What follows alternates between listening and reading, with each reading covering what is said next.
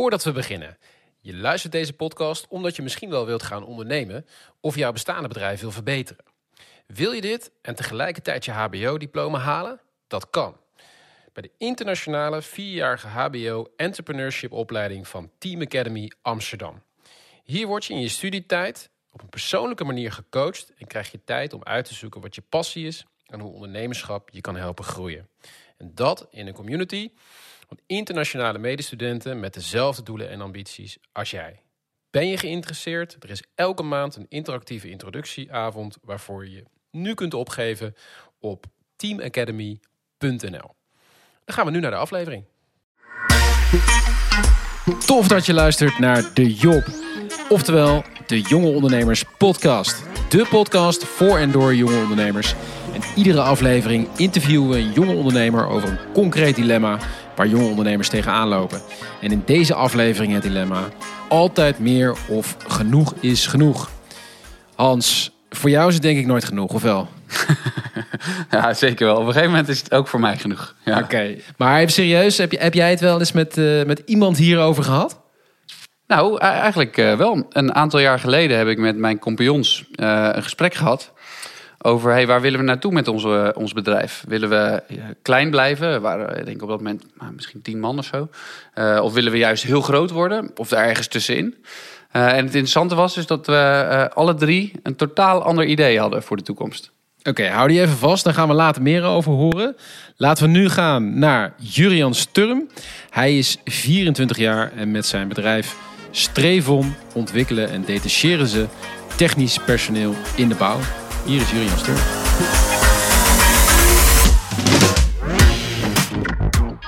Jurian, welkom. Dankjewel. Ja, ik heb jou gevraagd om jouw elevator pitch voor te bereiden. Dus Ja. wat als jij in die lift staat, je hebt 30 seconden de tijd, je komt die potentiële klant tegen of die investeerder. Ja. Leg uit, wat doen jullie? Strevon eh, bestaat uit de identiteit om andere mensen te laten groeien. Eh, doordat we zelf de kans hebben gekregen om onszelf ergens te ontwikkelen, Job en ik, willen we dit heel erg graag delen met andere mensen. En wat wij, wat wij vinden is dat bedrijven in de bouw en techniek persoonlijke ontwikkeling meer centraal moeten zetten in hun dagelijkse bedrijfsvoering.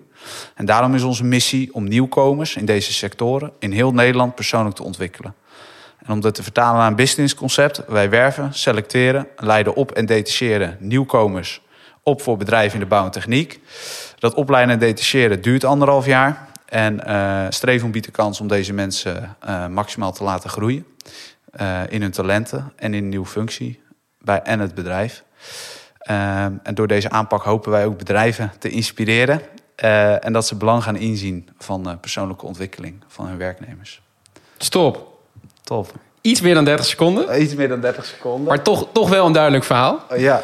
Moet hij korter? Hij mag, eh, hij mag, eh, hij mag korter. Oké, Ehm, maar mooi, eh, mooi begin om daar eens op door te vragen Ja.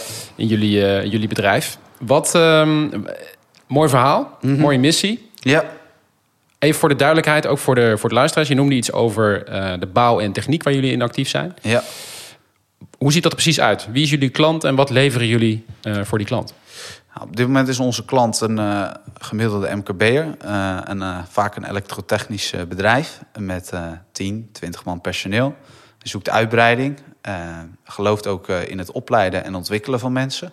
Dat vinden we belangrijk. Gaan wij voor die klant een online campagne starten. Dus dat betekent dat we mensen gaan werven, aantrekken. Heel veel contact zijn met mensen. En dan iemand zoeken die matchend is op, op cultuur. En ook dat hij in zichzelf wil investeren. Eh, en dat hoeft niet iemand te zijn die ervaring heeft. Dus dat eh, is vaak een eh, startend iemand in een nieuwe functie. Ehm, eh, dat is wat wij voor de klant en wer- werknemer in eerste instantie aan de voorkant bieden. Dat is wat jullie, dat is wat jullie doen. Ja, Mooi. Vervolgens gaat diegene aan het werk en wij begeleiden en opleiden diegene in anderhalf jaar tijd. En dat zijn vaak elektromonteurs, zonnepanelenmonteurs op dit moment. En Ja. is- ja. En deze hele reis, hè, je hebt Ja. een mooi verhaal verteld over je bedrijf. Die, Ja. ehm, die is ergens begonnen samen met eh, Job, je compagnon. Ja. Waar is dit begonnen? Wat was de eerste stap?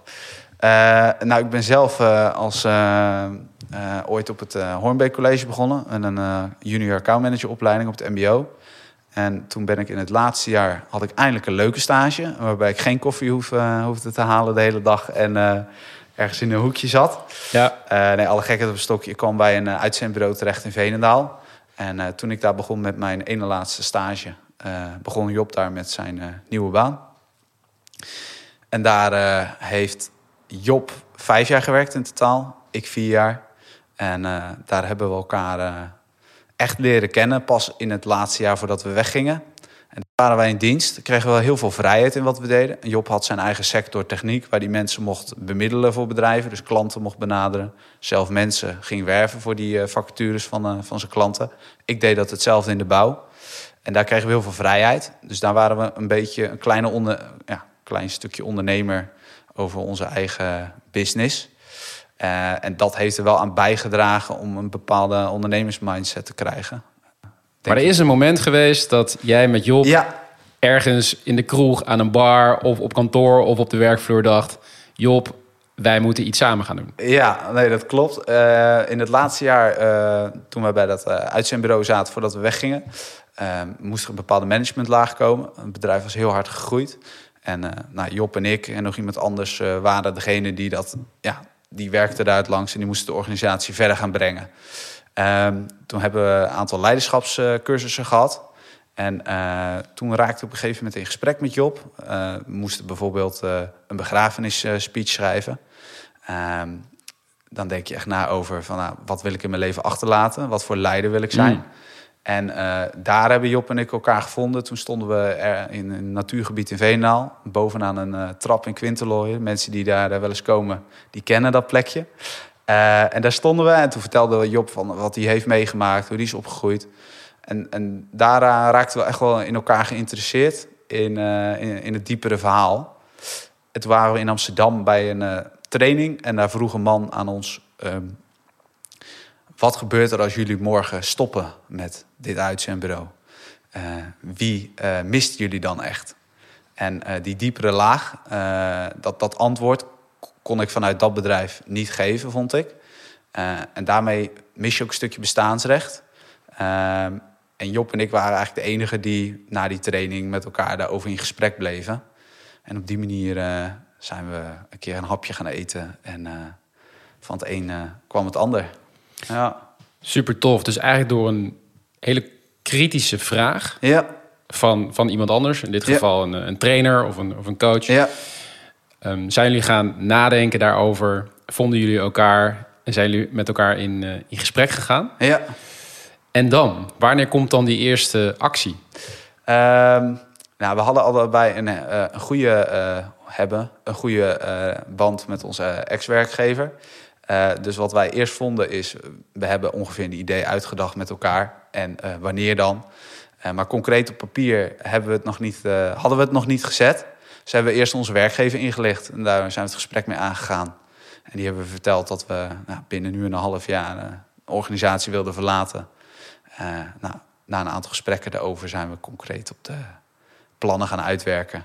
In dat half jaar, dat is januari 2020 tot en met juli 2020 geweest. Dat was de tijd die we hadden om uh, het bedrijf uit te denken. Mooi verhaal. Wat, wat, wat, wat ik er tof van vind, is ook de hele reis die je daarin maakt. Die Ja. eigenlijk al heel vroeg begint. Ja, Eh, er gebeuren allerlei dingen die persoonlijk zijn, ehm, die verdiepend zijn, ja, eh, samen zijn. En vervolgens eh, begint eigenlijk pas echt het avontuur door ook dingen te gaan doen. En dat is Ja. eigenlijk vanaf dat punt natuurlijk geweest.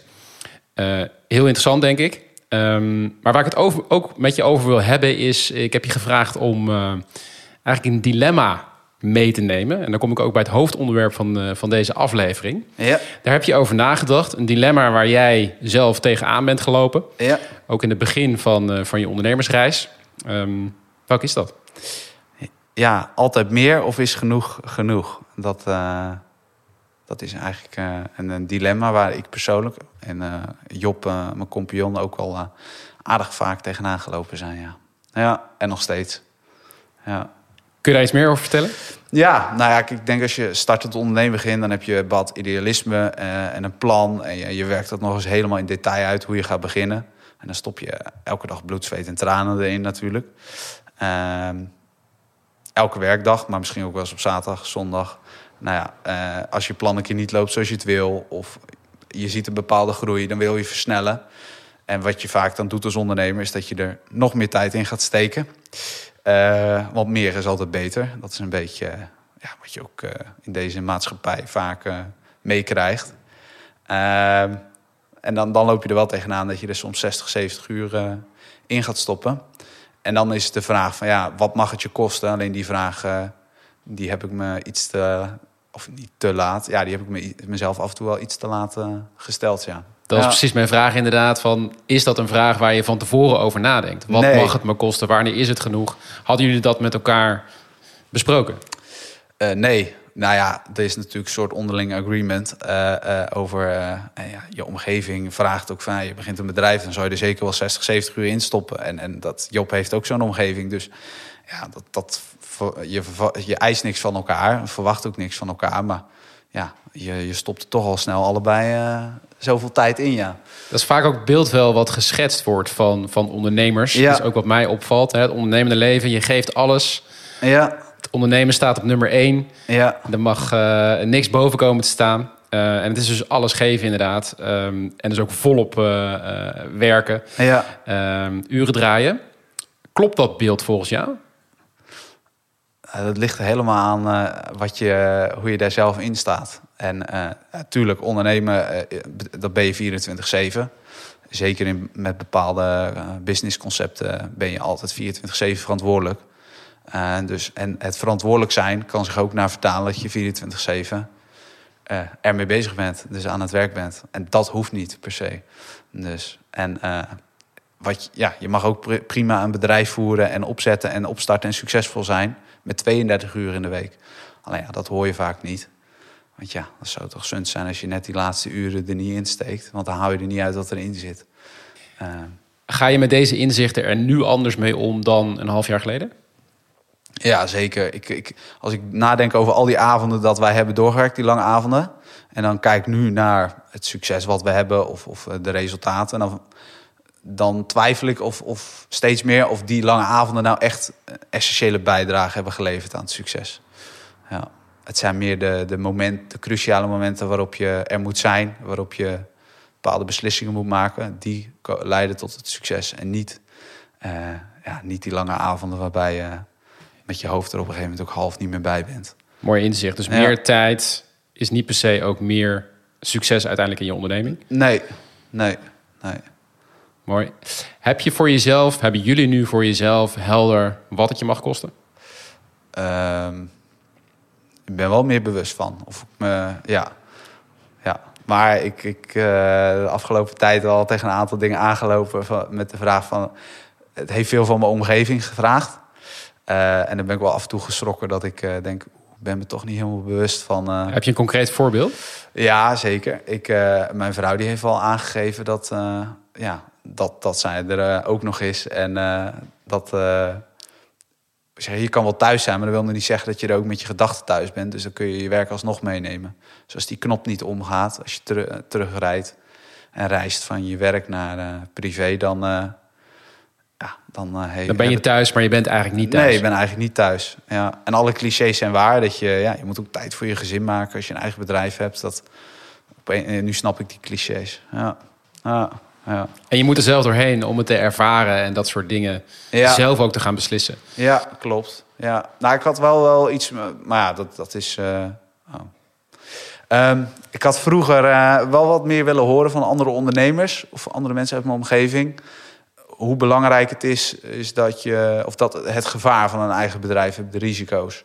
Je hoort natuurlijk altijd succesverhalen, wordt heel erg gedeeld. En eh, ja, je hoeft maar door je social feed heen te scrollen... dan eh, krijg je alleen maar succesverhalen te zien. En 80, 90 uur werken, dat is goed. En allerlei voorbeelden van ondernemers die dan... eh, heel succesvol zijn geworden. Ja, Maar ja, je ziet alleen maar de bovenkant van de ijsberg en de onderkant niet.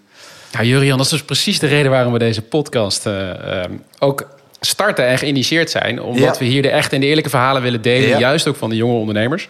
Eh, en ook dat beeld misschien wat bij gaan stellen ook over, over het ondernemerschap. Ehm, maar je, je zegt eigenlijk van ja, je kijkt terug. Hè, eh, ik had misschien wel iets meer eh, daarvan willen horen.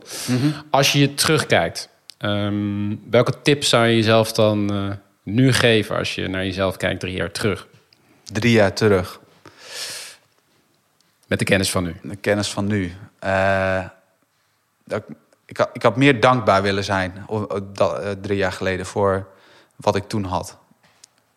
Ja, dat, eh, als ik nu terugkijk, toen voelde ik me een beetje een loser, want ik was werknemer, ik was echt in dienst, ik werkte voor een baas. En eh, uiteindelijk verdiende hij het geld, ik niet. En eh, ik bouwde niks op en eh, dus ik kreeg heel weinig waarde aan wat ik had. En dat is misschien een van de drijfveren geweest dat ik ben gaan ondernemen. Maar wel achtergekomen dat, ja, ik word, ja, ik, ik stond niet stil bij wat ik had toen. Nee, daar komt het gewoon op neer. Ja, Terwijl drie jaar geleden ook een moment was, de basis was eigenlijk van ook dit mooie avontuur. Ja. Waar je eigenlijk al heel veel Ja. hebt gekregen en ook de vrijheid hebt gekregen van anderen ja. om, ehm, om je ondernemersavontuur aan te gaan. En misschien heb je wel ontdekt in je ondernemersavontuur dat het eigenlijk heel veel kost. Eh, Ja. en dat je er niet gelijk meer eh, Nee. een beter leven van krijgt, eh, succesvoller van wordt of wat dan ook. Dat is, ehm, dat is denk ik een heel realistisch eh, eh, inzicht en conclusie ja. die herkenbaar is voor veel eh, jonge ondernemers die, die er ook vol voor gaan. Ehm, ja, tot slot, eh Jurian. Ehm, wie moeten we volgens jou nou echt gaan volgen, in de gaten gaan houden om ons te inspireren als jonge ondernemers? Ehm, ja, hebben we een leuke tip. Strevon is net zeven maanden onderweg. En we zijn in een fase waarin we stagiairs eh, hebben lopen, constant. En ook de eerste werknemers willen gaan aannemen. En daarbij komt een stukje leiderschap, eh, is een belangrijk thema. En op dit moment ben ik een boek aan het lezen over extreem eigenaarschap. En eh Jocko Willink en Live Babin zijn twee oude Navy SEALs. Ehm, die hebben een boek geschreven over extreme eigenaarschap, extreme ownership. En dat is wel heel inspirerend hoe hun leiding geven, hebben leiding gegeven in het leger. En hoe ze nu eh, mensen in het bedrijfsleven advies geven. Dus ik Mooi. zou, eh, zou die twee zeker blijven volgen. Tof. Ja, je, wordt- je gaat ondernemen en tegelijkertijd word je geconfronteerd dat je in een bedrijf zit en ook leider moet worden, Ja. leiderschap moet vertonen. Als je die rol ook toebede- toebedeeld krijgt in je bedrijf. Waar kunnen we, ehm, waar kunnen we deze vinden? Waar kunnen we, waar kunnen we hem volgen? Welk boek kunnen we lezen? Eh, extreme ownership of extreem eigenaarschap. Boek zowel in het Engels als in het Nederlands verkrijgbaar. En Jocko Willink heeft ook zijn eigen podcast. eh, op, eh, ja, die overal te beluisteren is. Super, dankjewel. We zullen zowel het boek als de podcast noemen in de show notes. zodat de luisteraar ze ook kan, kan vinden. Super, Dankjewel. dankjewel. Ja, Jurien, echt een, echt een eerlijk verhaal vond ik. Hans, wat haal jij eruit? Nou, wat mij opviel, ehm, eh, is het stukje over eh, je nabije omgeving.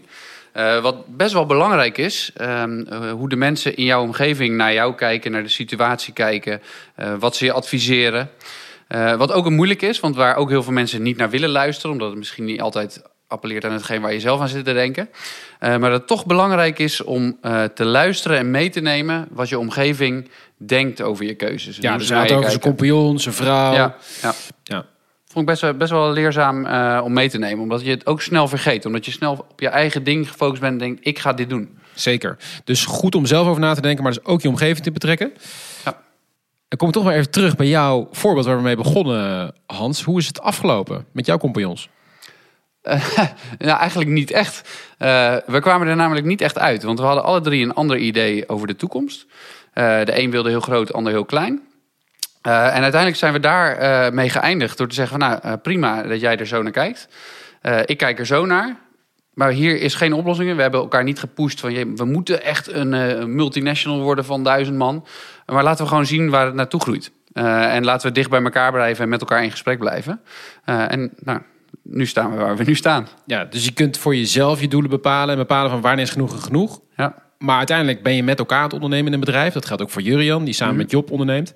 Ja. En dan moet je het samen gaan doen. En dan zeg je eigenlijk van, dan kun je ook best wel elkaar die ruimte geven. Als je maar met elkaar in gesprek blijft. Nou, dat is essentieel, denk ik. Om Ja. te bepalen wanneer genoeg genoeg is en elkaar daarin te respecteren. Ja.